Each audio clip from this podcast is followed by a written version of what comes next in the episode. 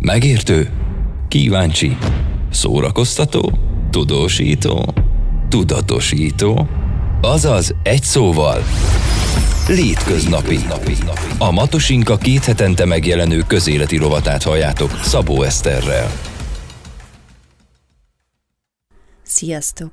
Bizonyára ti is gyakran találkoztok most már az élhetőbb város kifejezéssel, ami nem véletlen, hiszen a nagyvárosok, főleg a nagyvárosok egyre inkább élhetetlenné válnak olyan szempontból, hogy megnőtt a forgalom, kevés a levegő, és talán éppen ezért az ember is nehezebben tudja megtalálni a helyét mondjuk egy nagyvárosban, főleg, hogyha mondjuk családja is lesz. Májusban megszavazott a parlament egy tervezetet, amely szerint több nagyvárosban is alacsony kibocsátású zónákat kell majd létrehozni. Ebbe foglalták bele a 15 perces város elképzelését is, mint ajánlás. Hogy pontosan mit is jelent ez, Ungvári István Csongor szakembert kérdeztem. Elsőként talán nagyon kíváncsi lennék, hogy milyen út vezetett téged a fenntartható közlekedés irányába, ugye ezzel is foglalkozol. Mesélj picit magadról. Főállásban szoftverfejlesztési mérnök vagyok. Egyetem után Kolozsvárról hazaköltöztem, és elkezdtem elég sokat biciklizni, biciklivel közlekedni, mivel szerettem és hatékonynak találtam. Hamar rájöttem, hogy mély közlekedési problémák vannak Marosvásárhelyen, és ezért kezdtem el a témával foglalkozni. Csatlakoztam olyan szervezetekhez, amelyek szintén fontosnak tartották a közlekedést és az élhető város fogalmát, így kerültem az Undaverdéhez és a Marosszéki Közösségi Alapítványhoz. Részt vettem különböző kurzusokon, és diplomát is szereztem fenntartható városi közlekedés témában. Később angliai tanulmányútjaink során kiképeztek arra, hogy biciklis trénereket oktassunk, olyanokat, akik biciklizést oktatnak, főleg gyerekeknek, de nem a, a sima biciklizés képességét csupán, hanem a közlekedésben való részvételt, városi forgalomban levő biciklizést. A közösségi alapítvány most is komoly hangsúlyt fektet erre. Kimutatások alapján is ö, rámutattak arra, hogy a gyerekek, amikor megtanulnak biciklivel közlekedni a forgalomban, később sokkal jobb, figyelmesebb sofőrökké válnak, és mi is így gondoljuk, hogy hosszú távon így lehet változást elérni a biciklis kultúrában. És mit jelent pontosan ez a 15 perces város? A 15 perces város ötlete Carlos Moreno építésztől ered, amit aztán a gazdasági világfórum is felkarolt és elkezdett népszerűsíteni, de maga az alapötlet már régebb is létezett, sőt, hogyha egy település organikusan fejlődik, akkor valószínűleg megilletné ez a jelző. Még a kommunizmusban is figyelembe vettek ezekből a, a koncepciókból bizonyos tulajdonságokat, amikor új negyedeket terveztek.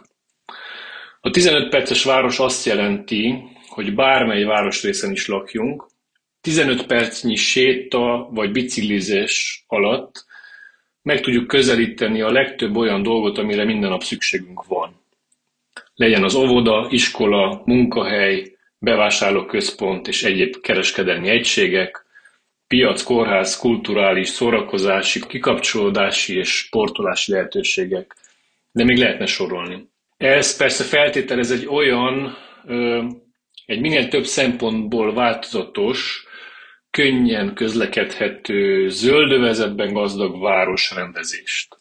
A városaink többnyire organikusan így kezdtek el fejlődni annak idején, egészen a 20. századig, 20. század elejéig, közepéig talán, amikor mindenféle idézőjelben okosabbnál okosabb város tervezéssel álltak elő, és ugyanakkor ekkor hódított teret az autózás is, és majdnem mindent ezután az autók után terveztek.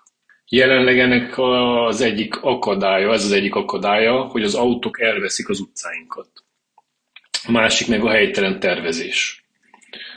Hogyha építünk egy nagy területre egy lakónegyedet, és oda csak lakásokat tervezünk, akkor onnan mindenki reggel be kell jusson valahova távolabb munkába, majd délután vissza, el kell menjen messze bevásárolni, és el kell vigye a gyermekeket az óvodába, iskolába, és általában mindezt autóval. Ezért is fontos a környezetvédelmi megközelítés ennek a koncepciónak, mivel ez kevesebb autót eredményez, kevesebb káros és üvegházhatású kibocsátás eredményez, és ezek mind jó irányba viszik a világot. Ugyanakkor a 15 perces város nem azt jelenti, hogy be vagyunk zárva ebbe a 15 perces sugarú városrészbe, és innen aztán nem mehetünk ki sehova. Sőt, a városrészek közötti közszállítás és összeköttetés nagyon is hatékonyan kellene működjön. Vannak ugyanakkor ennek az alapötletnek továbbfejlesztett, úgymond eltúlzott változatai, amik aztán az összeesküvés elméleteket is fűtötték. Ilyen például a városrészek teljes bekamerázása és a lakók monitorizálása. Ezt én sem tartom jó iránynak, és ez nagyon 1984 hangulatú. De említsünk meg pozitív példákat, ahol már elkezdődött ennek a koncepciónak az életbe léptetése. Például Párizs, Kopenhága, Barcelona, talán Valencia is ilyen. Shanghai és legalább 50 kínai nagyváros bejelentette, hogy igyekszik ezen a téren. Mi akadályozza leginkább, hogy egy ilyen terv létrejöjjön? Megtervezni valamit jól nem könnyű. Átalakítani valamit, ami rosszul volt megtervezve, nagyon nehéz. Egyrészt szerintem okos urbanistákra van szükség, másrészt ügyes városvezetésre, hogy lemenedzselje a feladatot, és nem csak a kivitelezőkkel, hanem a lakossággal is. Vannak dolgok, amiket megszoktunk, ilyen például a kényelmes autózás. Szokásokat megváltoztatni nagyon, nagyon nehéz, és lassan is megy. Ugyanakkor kitartás kell, mert nem megy egyik napról a másikra maga a tervezés és a, az átalakítás sem. Ez az egész egy olyan koncepció, amit mindig szem előtt kell tartani. Új tervek létrehozásánál be kell tartani ezeket a szabályokat pontról pontra, az átalakításnál pedig úgy szintén figyelembe kell venni, hogy megtartsuk azt, ami jó, és átalakítsuk azt, ami hátráltat. És mi az előnye és hogyha esetleg van hátránya, akkor mi a hátránya ennek a, ennek a megoldásnak? Az előnye mindenképpen az, hogy egy élhetőbb várost eredményez, ami növeli az életünk minőségét. Az, ahol töltjük a mindennapjainkat, a környezetünk, az jobb körzérzetet teremtsen, hatékonyabb mobilitást, a sétálás, a biciklizés által az egészségünk is javul, valamint az emberek közti közvetlen kapcsolatok is gyakoribbá válnak. Kevesebb autó, csendesebb és zöldebb környezet, mindez szerintem bizonyal boldogabbá teszi az embert. Hátrány szempontjából én igazából nem látok komoly hátrányt a 15 perces város koncepciójában. Valójában ez egy olyan koncepció, ami jobbá próbálja tenni a városi életünket, és nem kell komoly kompromisszumokat hozzunk, kivéve, hogyha szeretünk kényelmesen autóban ülni a forgalomban húzamosabb ideig.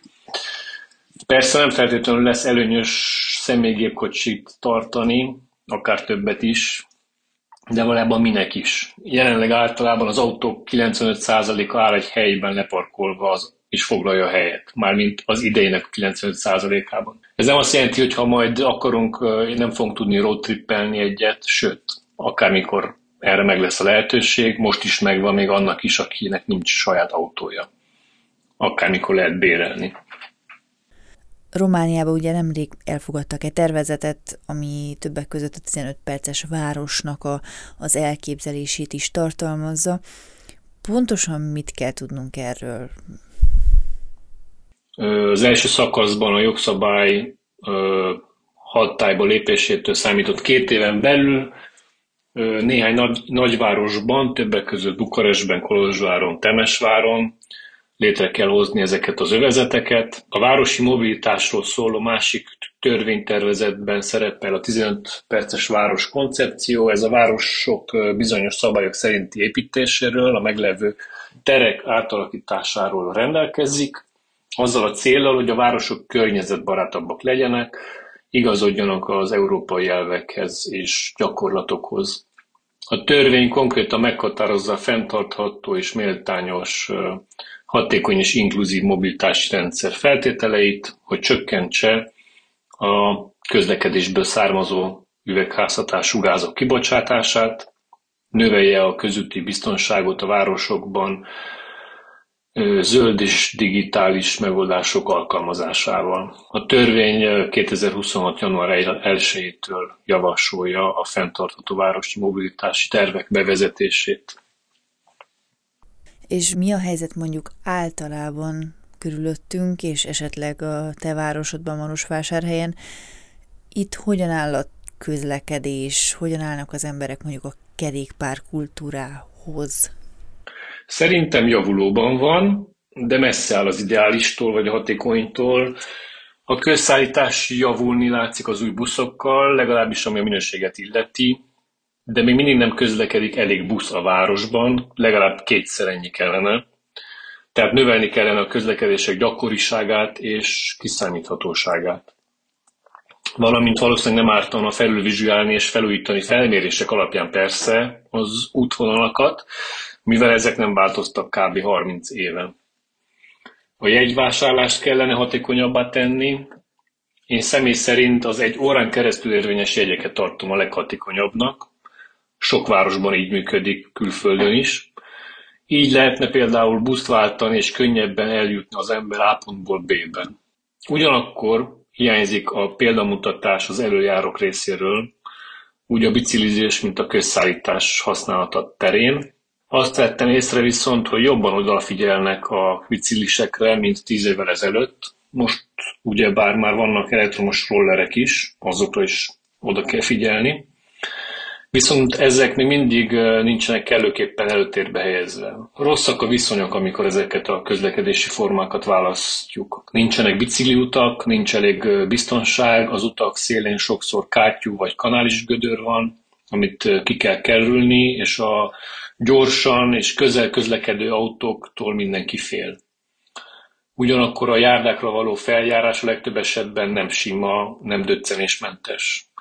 Én nagyon tudom sajnálni a mozgássérülteket, ők vannak a legnagyobb hátrányban ebben a városban. A közlekedésben a prioritás mindenhol a következő kellene, hogy legyen.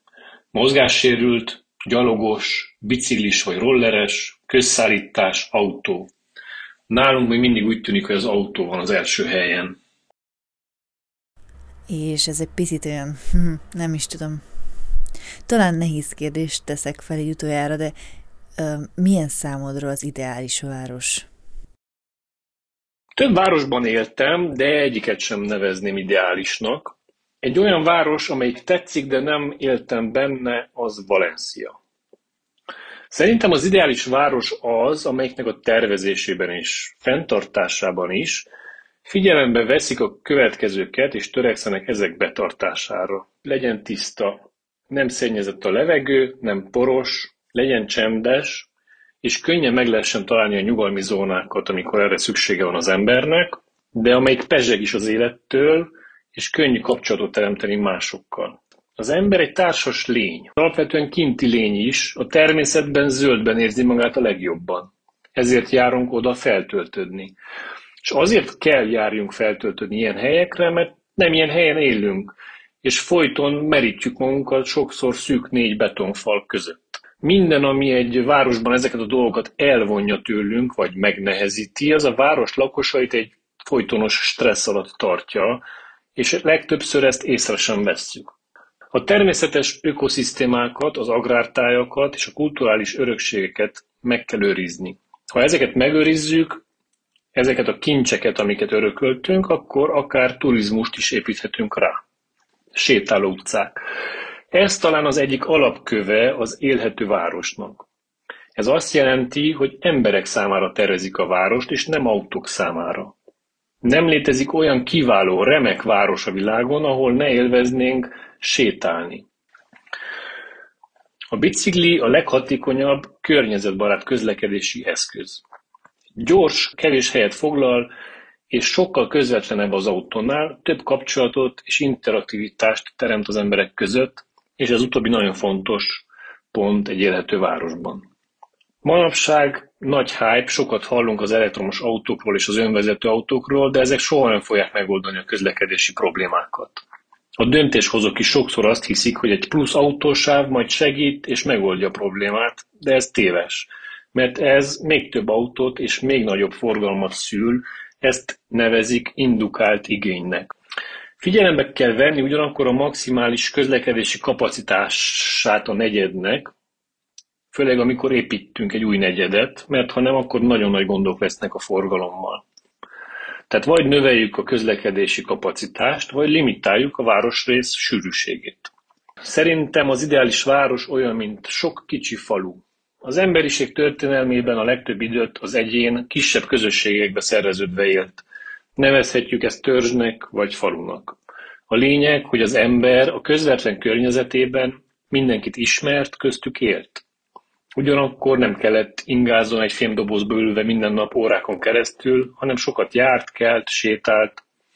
És manapság már, ha már a munkánk gyakran meg is követeli, hogy egy helyben üljünk több időt, legalább a város segítsen és tegyen meg mindent annak érdekében, hogy minden másban jól érezzük magunkat.